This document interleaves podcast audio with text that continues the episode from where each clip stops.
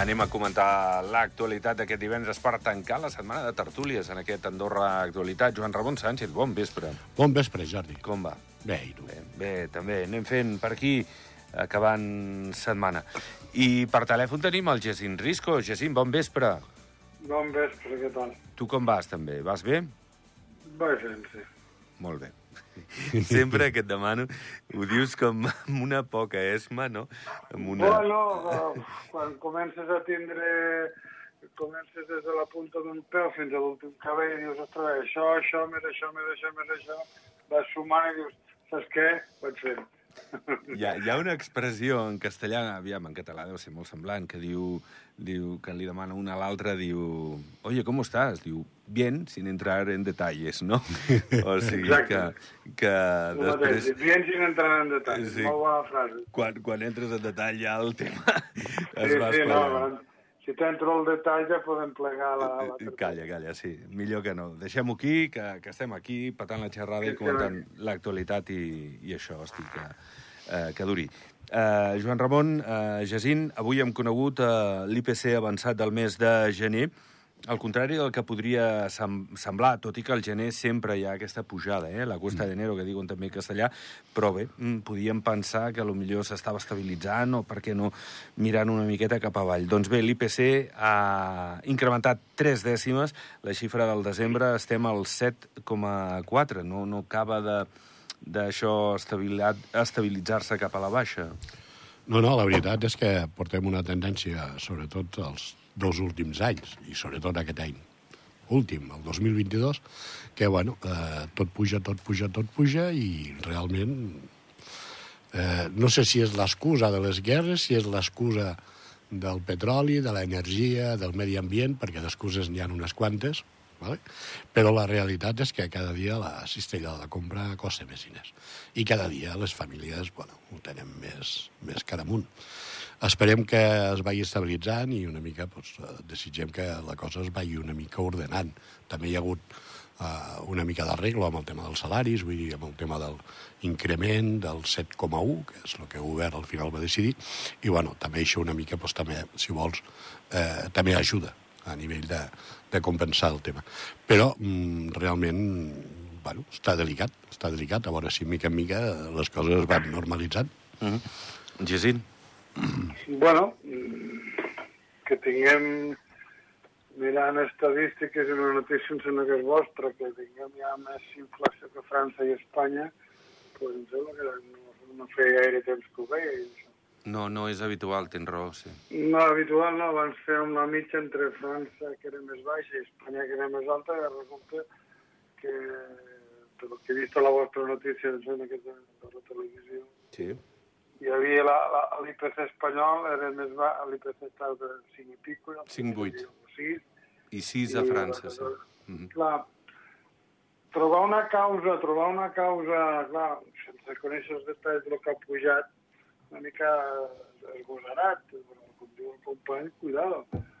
A veure, eh, nosaltres no tenim una economia com per poder sustentar gaire subtracts forts i les famílies, com diu, ho estan passant malament, però clar, finalment una inflació d'aquestes característiques et fa pujar una mica tot. Et fa pujar els productes, et fa pujar les pensions, et fa pujar... Que, que, que les pensions està bé que pugin, eh? no, no, no em queixo, no? Però que la realitat t'ho fa, pujar una mica tot i allò que has pressupostat tal.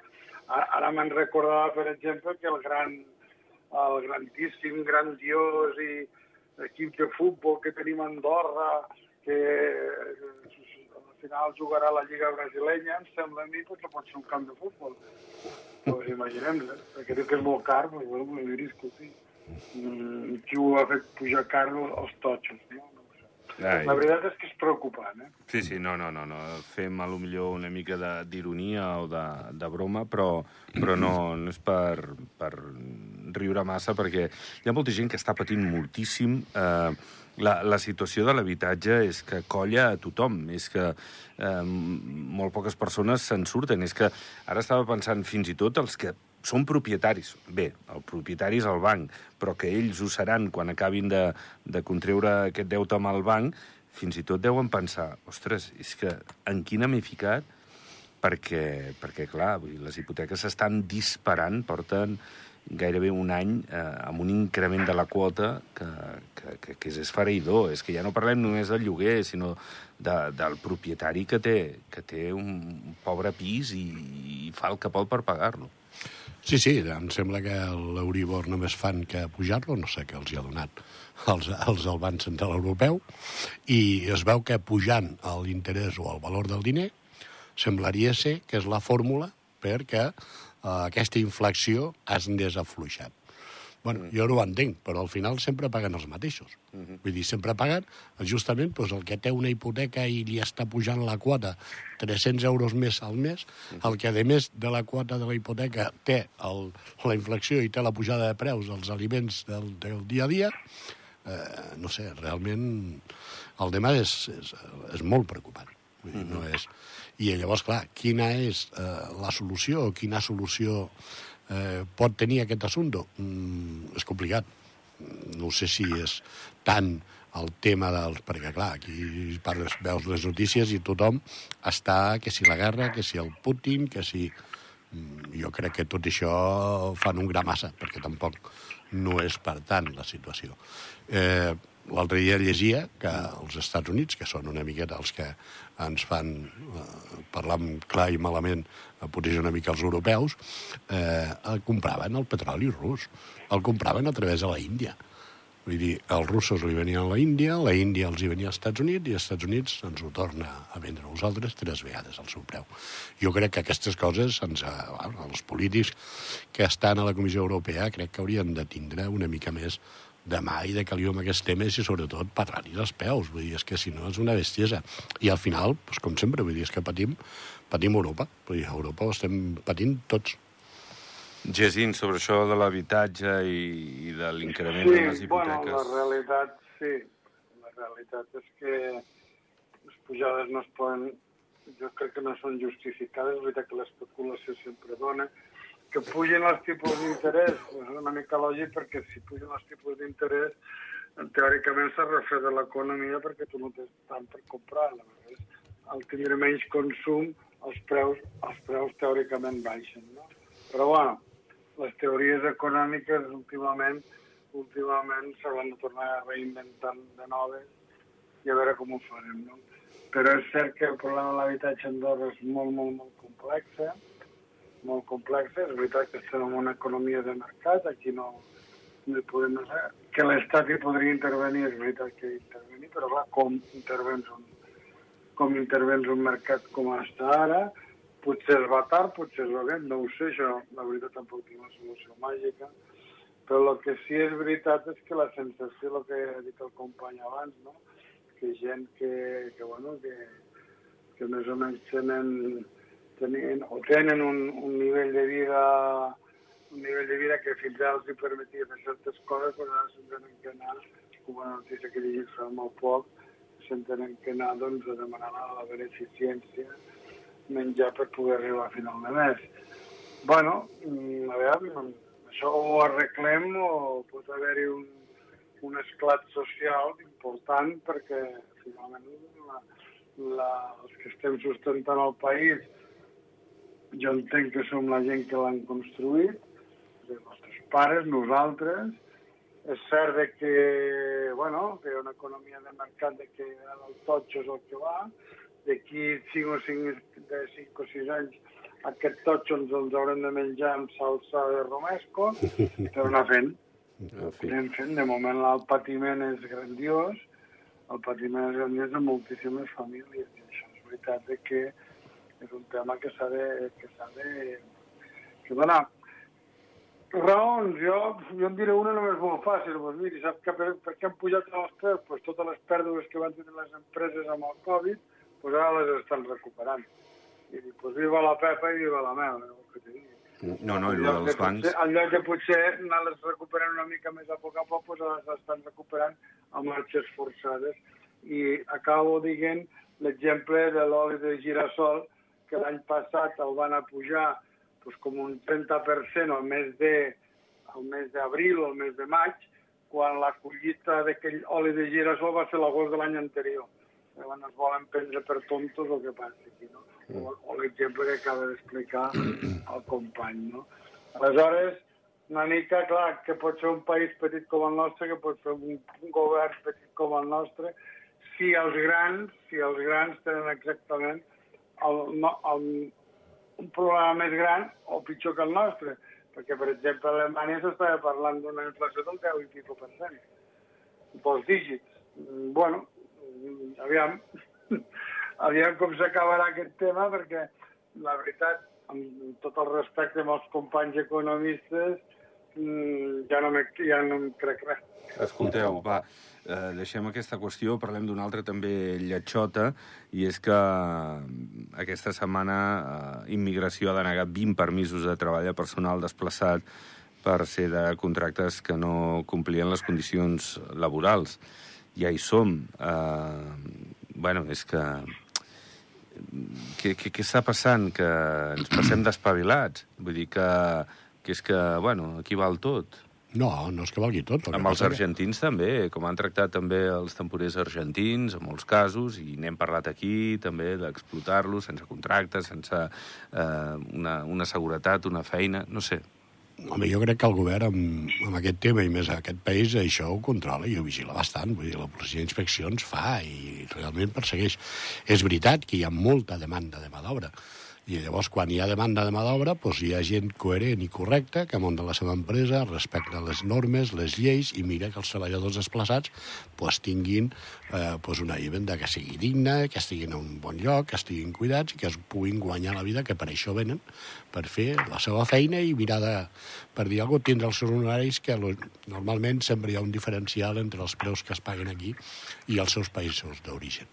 Eh, com a tot arreu, sempre hi ha el típic espavilat que diu, doncs pues mira, la norma me la puc saltar per aquí, els porto per allà, eh, no se n'enteren, però bueno, jo crec que aquests espavilats tenen, tenen, tenen els dies comptats. Eh? Jo crec que la, la, el que és la policia i el tema d'immigració s'està fent una bona tasca amb la, amb la vigi- vigilància, sobretot, del tema de les empreses dels països, sobretot països sud-americans, que venen amb contracte amb empreses andorranes per fer una tasca que el país les necessita, perquè realment el país està necessitat de mà d'obra. I de mà d'obra de la construcció, sobretot, que és el que els últims dos o tres anys més està creixent. No, i sort que es denuncia i que aquestes males praxis d'aquestes empreses eh, es coneixen arran d'aquestes denúncies. Uh, Gesín. Bueno,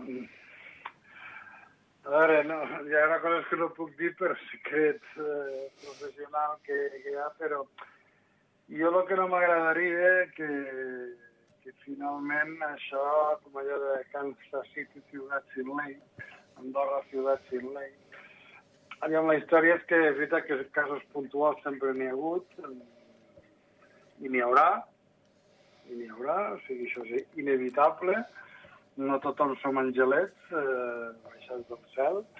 No podem, com deia una vegada ja fa anys, eh, el tema de la droga, per exemple, no pot ser, no podem ser la cuna espiritual d'Europa.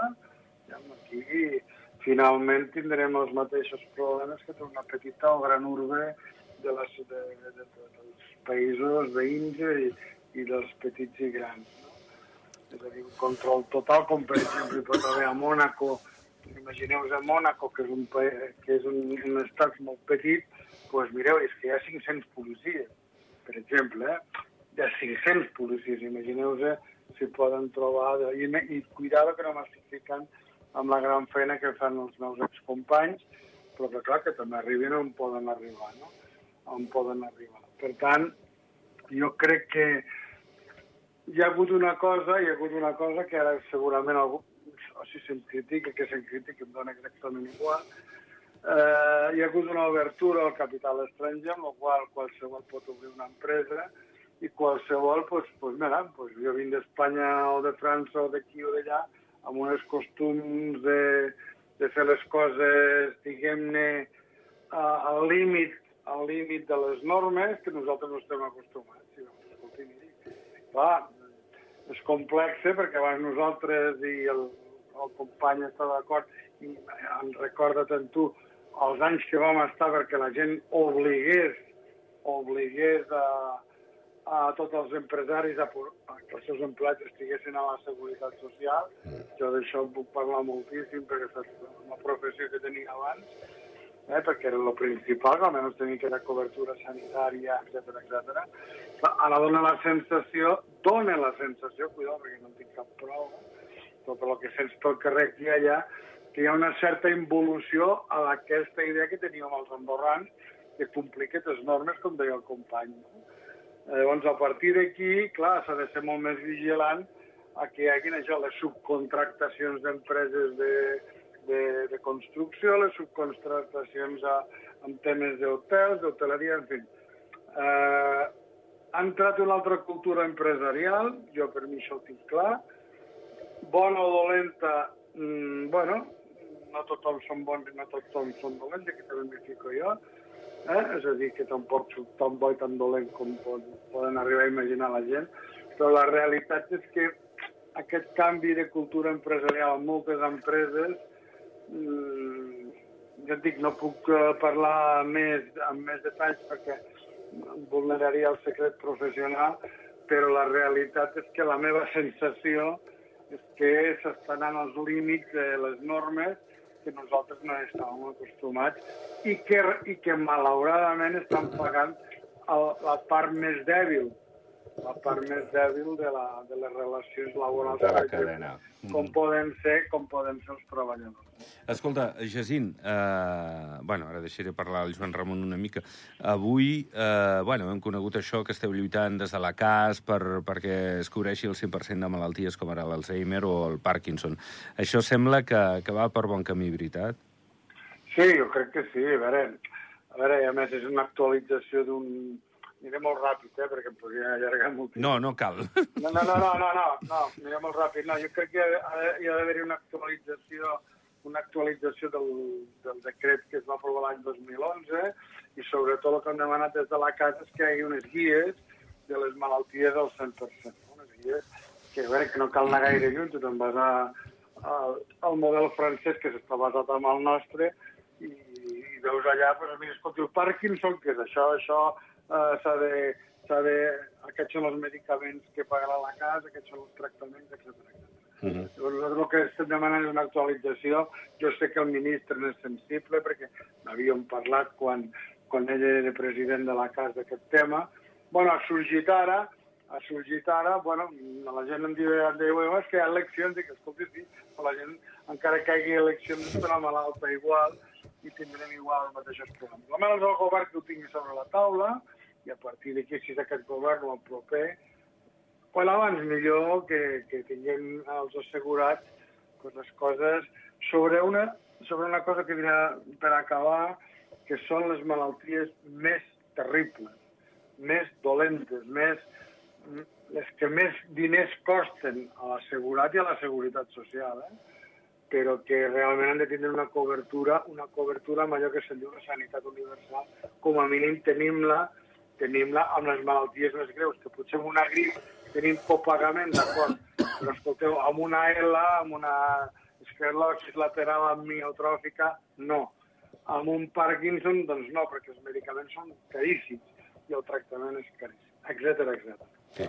Va, eh, Joan Ramon, una altra cosa. Avui ha estat l'Eva Sansa aquí a la, a la ràdio. Eh, ha dit que el vial avança bé, que si tot va bé, eh, aquest any podrien començar la part de la massana d'aquest nou vial. Els que doncs, estan a, a la vall del nord doncs, se n'alegraran molt perquè com a mínim aquesta part, però clar, no serà res sense la part del govern, que espera fer en la pròxima legislatura, però, però bé, sembla que va de debò. Sembla que va de bo, però realment, com tot, és super necessari. Vull dir, el tema de passar la massana l'hora que sigui, eh? Vull dir, ja no és allò d'hora punta o a última hora de la tarda, quan tothom plega, no, no, l'hora que sigui, eh, realment és un problema greu. Ara tenim temporada d'esquí, ara encara s'agreuja una mica més, pot ser a l'estiu, però realment és que, clar, és que és necessari. Aquesta desviació és necessària pel funcionament i per la seguretat, també. Perquè tants cotxes pel mig al poble, em sembla que a la Massana, per passar al poble, igual tenim 20 o 25 pas de seure. Pues no, cada- no, no, no, no, no tants, però va haver igual, un vull moment dir- que n'hi havia com 14 Clar, o vull sigui, ara crec que- que n'hi ha 8 o 10. Però, però és igual, vull sí, dir, cada pas de molt. amb tot el trànsit que hi ha, vull dir, és un perill. Amb les camionetes, amb els camions, vull dir, és que tot passa pel centre. Mm -hmm. eh, Me n'alegro de que fa dies eh, que es va comentar el tema, que s'engegava com a mínim a fer l'estudi de lo que seria el projecte i una miqueta el seguiment a nivell del control de qualitat, arquitectes i tal, amb la qual ja es comença a, Mm -hmm. a, a perfilar. Esperem que sigui el més ràpid. Sí, i l'heliport és tan important o no? Perquè també n'hem parlat amb l'Eva Sansa. Diu que, clar, que trauran el, el de baix, el del nucli, per, per pujar-lo a dalt, que hi haurà menys soroll a dins de la, de la localitat, de la població, del nucli poblacional, Segurament hi haurà, hi haurà menys uh, soroll perquè realment està al mig, al mig del poble, parlant, parlant clar. I, bueno, que s'hagi escollit el terreny i el lloc de pal, doncs, bueno, em sembla, per mi em sembla bé, dir, no hi tinc cap inconvenient. Tot el que sigui treure el soroll de l'helicòpter pel, pel mig del nucli, i ja no parlem del tema de seguretat, perquè els helicòpters són segurs, però també, en un moment donat, si el desvies que no passin tant pels nuclis que estan habitats, lògicament eh, evites vale, eh, possibles riscos que puguin venir. Ara, també hi ha, i molt ràpid, eh, Jacint, que et conec un minut, eh, només, sisplau, perquè hem de plegar, no per res més. Però és el millor lloc? Em sembla que en parlàvem amb tu l'altre dia, i em sembla que coincidíem que igual de no. cap manera, de cap manera és el millor lloc. Mhm. Allò, per mi, és un... Bueno, si pugen amb el funicular, doncs em sembla molt bé. Però allò, de cap manera és el millor lloc. Allò, destruir la natura, destruir la natura, destruir el paisatge, destruir-ho tot. Escolta, un heliport no n'hi ha per tant. I a més a més, que es, pensa, que, que es pensa la gent que hi haurà, una, hi haurà un helicòpter cada 3 minuts, escolta, ja n'hi ha prou. Mhm, Ja n'hi ha prou de, de, ja n'hi ha prou de, de tanta història. Per mi el, el lloc és ter terrorífic. El dia que no funcioni el funicular i hi hagi mig metre de neu ja m'explicareu qui pujarà allà dalt a agafar l'helicòpter. Bé, Però bueno, com que tenim canvi climàtic igual no ens passarà. Jacint, que tinguis un bon cap de setmana. Igualment, Cuida't molt. Gràcies. Vinga, abraçada. I, I també, Joan Ramon, que vagi molt bé el cap de setmana. Ens deia abans el Josep Tomàs que farà bo, o sigui, s'ha de disfrutar, que sembla que la setmana que ve tornarà a refredar. Podrem anar amb moto? Sí, Sí? pots anar. Vale. Segons el Josep Tomàs, tranquil·lament. Bon cap de setmana a tothom. Gràcies, Joan Ramon. Bé, doncs anem plegant veles. Gràcies per la vostra atenció, que vagi molt bé. Dilluns hi tornem. Adéu.